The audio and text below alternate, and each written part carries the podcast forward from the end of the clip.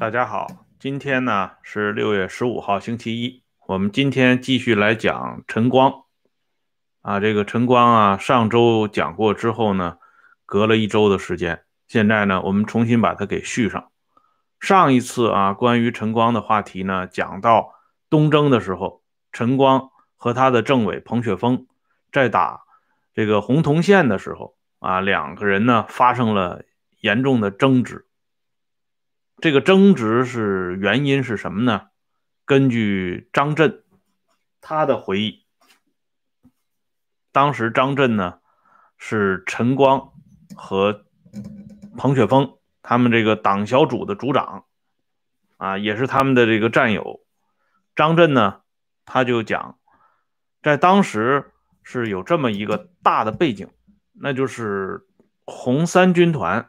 呃，一度呢被并入到一军团里边去，后来呢，这个三军团又准备重新啊进行组建。这样呢，彭雪枫作为原来三军团里边的骨干，他就想借这个机会为三军团保留一些种子，所以不能这么死打硬拼。而陈光考虑的是。咱们要作战勇猛，打下洪洞县啊！我们尽可能的大量的缴获敌人的物资，然后呢，充实到我们的后勤供应当中去，扩大战果啊！一个是从这个军事角度考虑，一个是从政治角度考虑。这样呢，双方的争执就显得非常的激烈。一个是吹冲锋号，一个呢是。吹这个，呃，收兵号啊，就是往后撤的。政委和这个师长两个人在战场上就顶起牛来了。说起来啊，如果大家不联系当时的背景，可能会觉得彭雪枫这个人怎么这么本位主义啊？你为了考虑你红三军团的这个利益，居然把这个战争能够战役能够放下来。其实啊。这种现象在红一军团当中是最普遍的。当时一军团曾经要被抽调一批青年的军官到红十五军团，就是徐海东的十五军团里边，到那里边就去工作。这样呢，一军团这边朱瑞他们就商量，把一军团里边的骨干人员隐匿起来。不要交出去，啊，派一些老弱残兵到十五军团去，啊，临时充数。一军团在这方面啊做的一贯是比较厉害，而这个陈光呢，出身于一军团，他用三军团的人打仗呢，他就是不惜命，啊，当时这个三军团的人已经有有一些人对陈光的这个做法非常不满意。啊，这直接就说这是咱们都是后娘养的，所以上战场被人家打死，那简直是活该啊！谁让摊上这么个师长了？他是打铁的啊，把人当成铁来打，早就不满意了。彭雪枫不过是把这种不满集中发泄出来啊！你陈光明明知道啊，三军团马上要这个归建了。你这个时候还拼命的啊，用这种办法消耗三军团的这个主力人员，你居心不良嘛？所以两个人就干得很厉害。张震说呢，开会的时候就干，只要见面两个人就干，啊，搞得他的这个小组长、党小组组长张震自己他说，我根本啊就说不出一句话来，一个是师长，一个是政委，我哪个都不敢得罪，也不敢啊偏向哪一边。所以这两个人最终呢，嗯，只好分道扬镳啊，没办法尿到一个湖里去。后来还是彭雪枫让了一步。彭雪枫说：“既然没有打下洪洞县，我们呢另外想办法。你不就是为了要这个呃战略物资吗？啊，要这个军饷吗？这样呢，彭雪枫就给福山县的县长打电话，说现在。”我是红军东征部队啊！你们马上给我送来五万块现大洋。我们急需这笔钱。如果现实我没有收到这五万块现大洋，对不起，我马上啊率领所部七千精锐，直接打下你这个福山县的县城。等到打下县城的那一天，我要的就不是五万块现大洋了。这福山县县长吓坏了，啊，马上，啊，谢谢张先生啊，您多次啊支持咱们这个节目，马上派人把这五万块现大洋给送来了，啊，这件事情呢，在红军当中啊传扬的很广，大家呢纷纷赞扬冯雪峰工作作风过硬。啊，尤其是上级领导，把冯雪峰的这个案例呢，作为一个模范进行推广。以后呢，把这类事情统一称之为经济案子。啊，玩这种经济案子最好的一个人，就是后来担任这个中央常委的先念同志啊，李先念。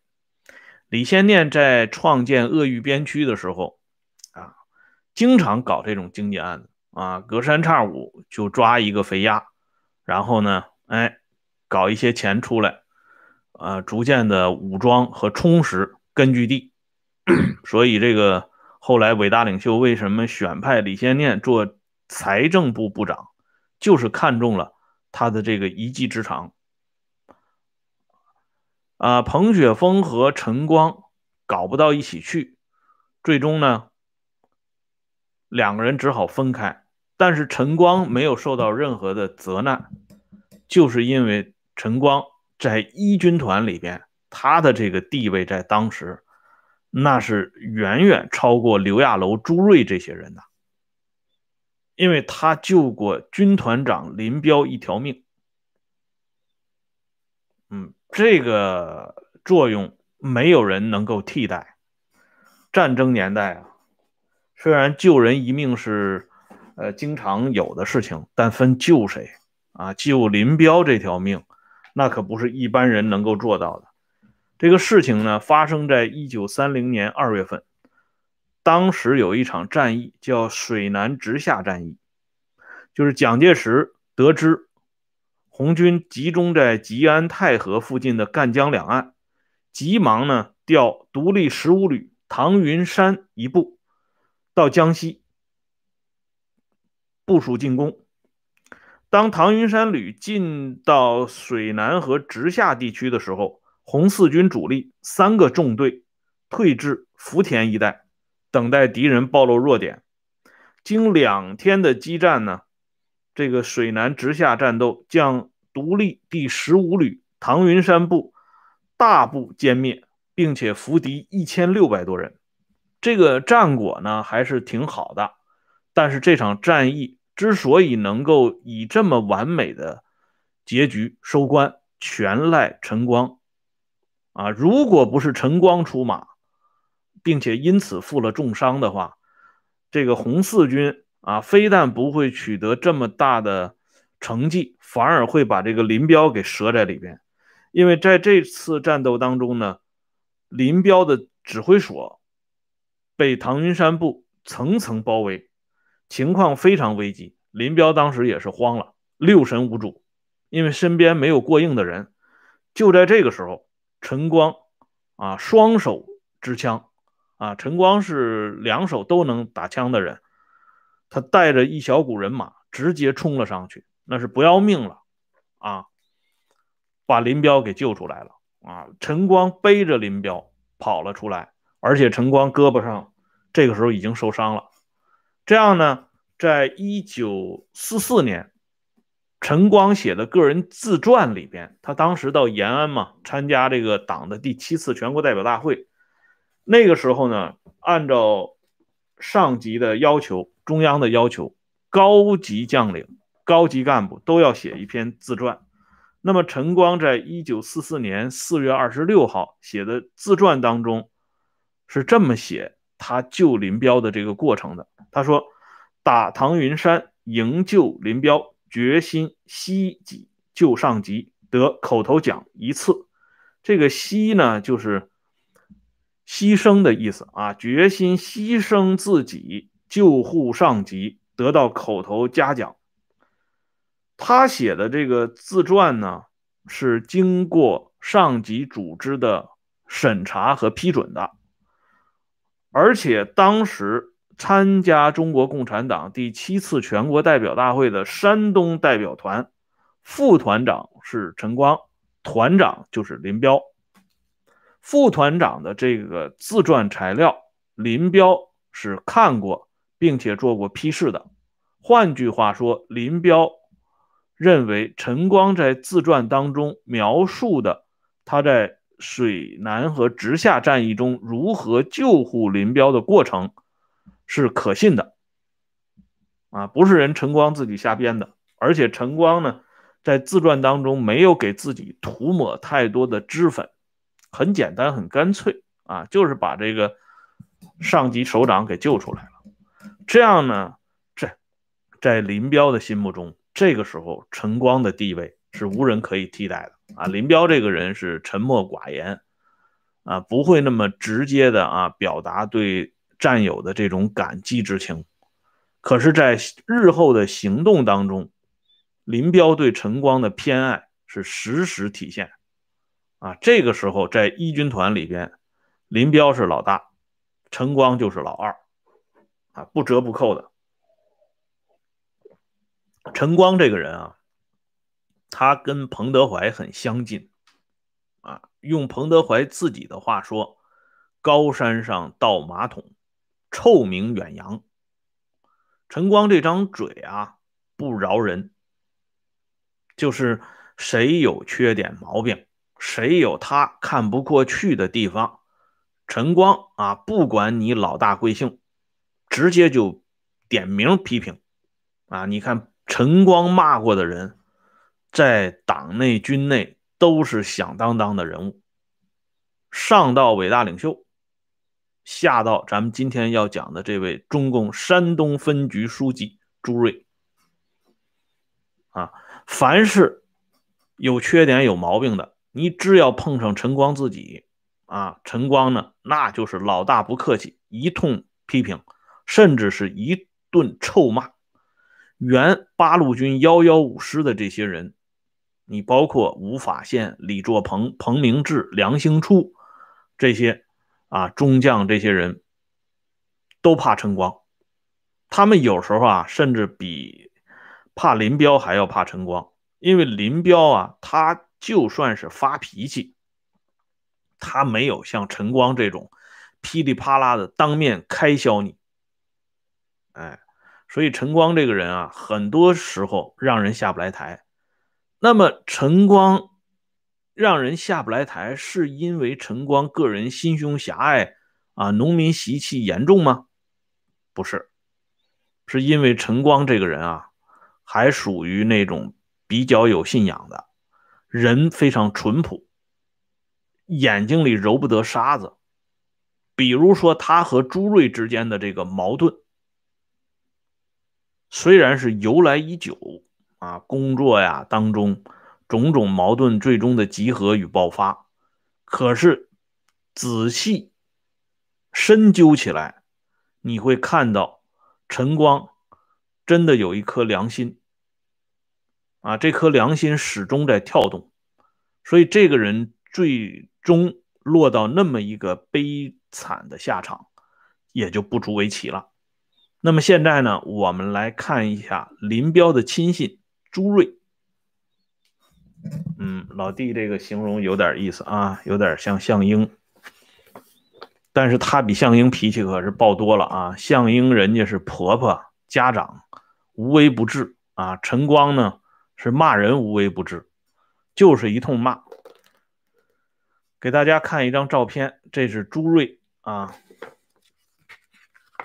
笑嘻嘻的啊。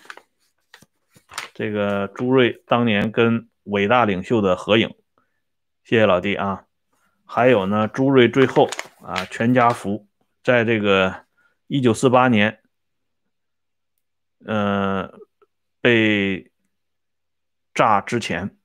啊，这个和他的第二任妻子叫潘彩琴生的女儿，淮北和东北这两个女儿就是朱淮北和朱东北啊一起的全家福。朱瑞啊，这个人个人生活很不幸啊，他原来找的广东籍的妻子叫陈若克，刚刚生下孩子，结果呢，在反扫荡当中呢，陈若克被日军抓捕，最后呢，啊，被用刺刀给挑死了。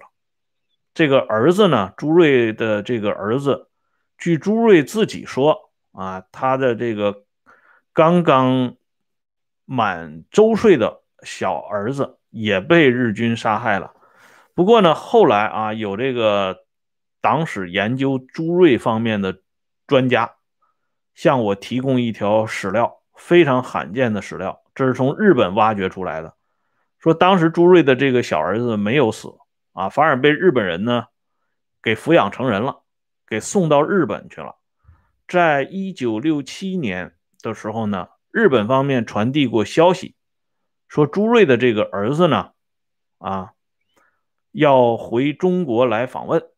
那么这件事情呢，被敬爱的周总理给压下来了。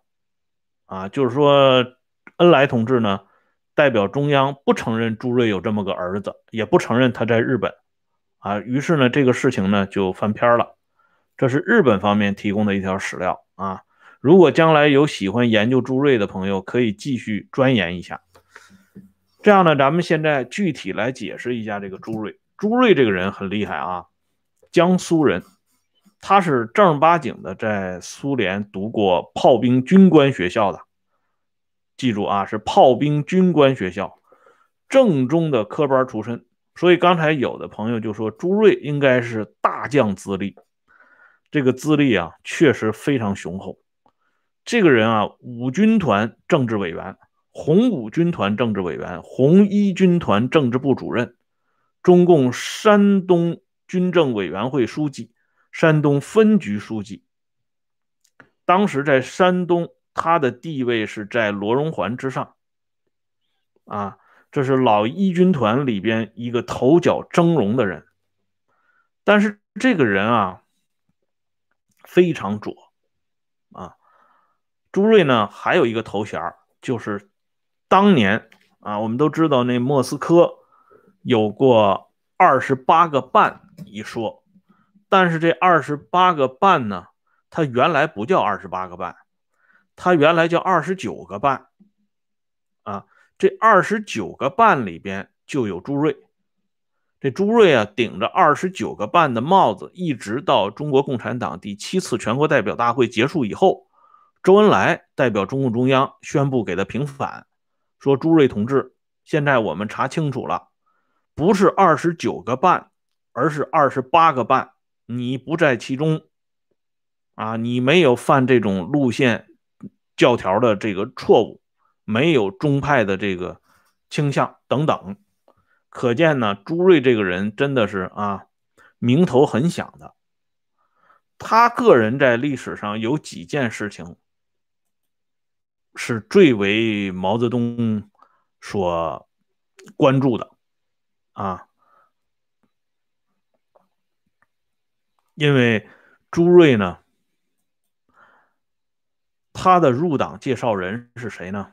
就是那位著名的共产国际东方部部长、中山大学校长米夫，和另外一个中山大学实力派人物支部局书记阿古尔。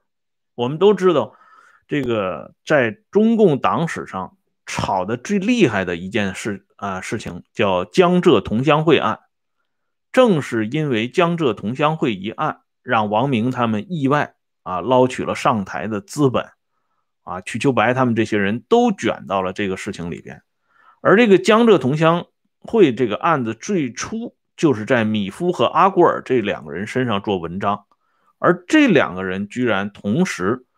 都是朱瑞的入党介绍人，可以想见朱瑞这个人是多牛的一个人啊！他回国以后，又直接在周恩来手下工作，作为周恩来的一个重要的副手。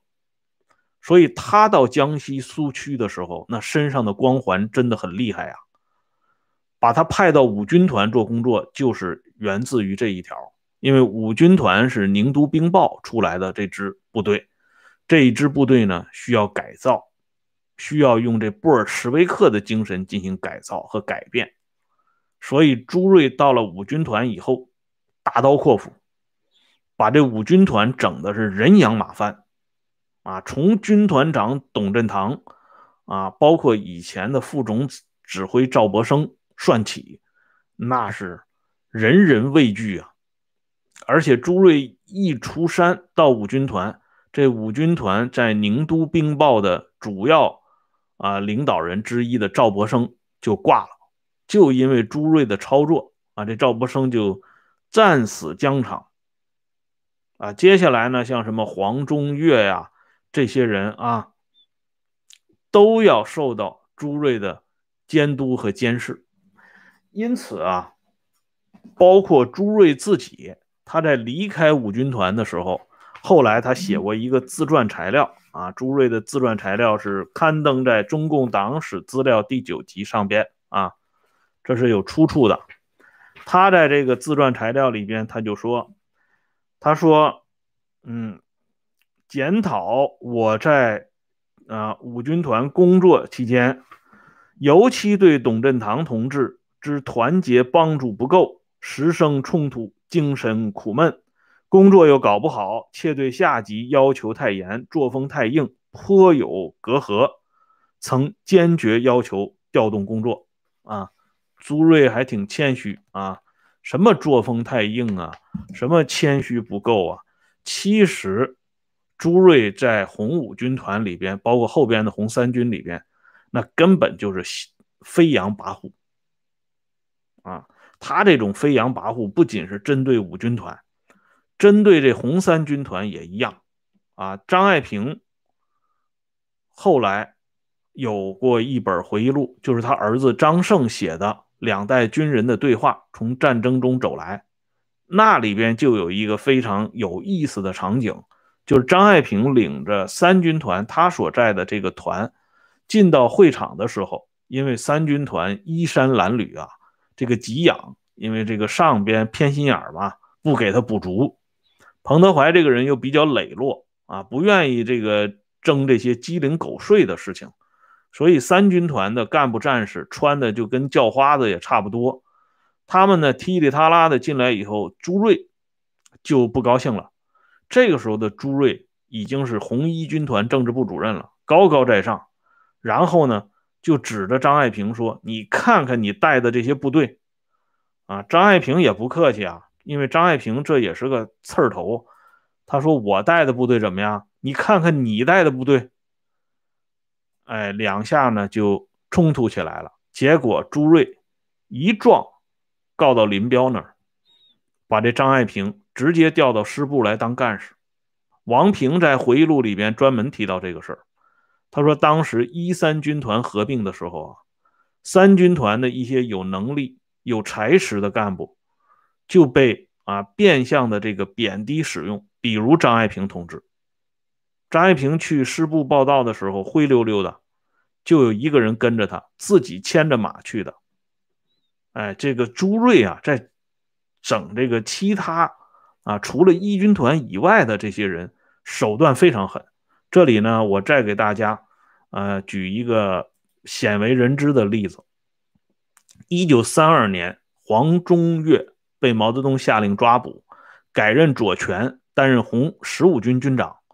这样呢，就毛的意思要调朱瑞去当政委。为什么让朱瑞去当政委呢？因为左权也是流苏的，哎，朱瑞也是流苏的，所以让朱瑞呢看着左权。朱瑞去了以后呢，不负众望，啊，直接就把这个左权呢给搞成了托派。所以左权后来一直啊背着这个，呃，戴着这个帽子。戴到死啊，都没有摘掉这个托派的嫌疑，这就是朱瑞干的好事但就是朱瑞啊，经常干这种好事因此深得毛泽东和林彪的信赖啊。那在红一军团里边牛的不得了。王平的回忆录里边不是讲过吗？后来他们有一次打靶练习，黄永胜这些人啊，就仗着自己是林彪的亲信，对三军团这边呢，就是横加。指责，最后三军团这边是啊人声鼎沸，就大家都来脾气了。这样呢，林彪不得不派朱瑞前往去做解释性的工作。从这里边呢，也能看到朱瑞在林彪心目中的地位。可是呢，谁让他偏偏遇上了陈光？陈光就不买朱瑞的账，因为陈光人家在林彪心目中的地位要比你朱瑞高。你朱瑞不过是用嘴巴干事儿啊。你能上战场杀敌吗？你能开拓根据地吗？你能练兵打仗吗？都不行。再加上这个朱瑞呢，到山东以后缩手缩脚啊，尤其在这个这个战争过程当中，整个就是一个百分之五十的外行。因此，陈光看到这么一个怂货，当然就搂不住火了。他不仅当面骂朱瑞啊，背后呢跟罗荣桓也讲，说这是一个啊三米高的大蛋糕，什么意思呢？废物点心啊！这陈光就敢这么说，那朱瑞也生气啊。这朱瑞一生气不得了了，出了一个大事儿了。这个大事儿呢，在中共党史上是非常有名的一场悬案，这就是著名的湖西树托事件。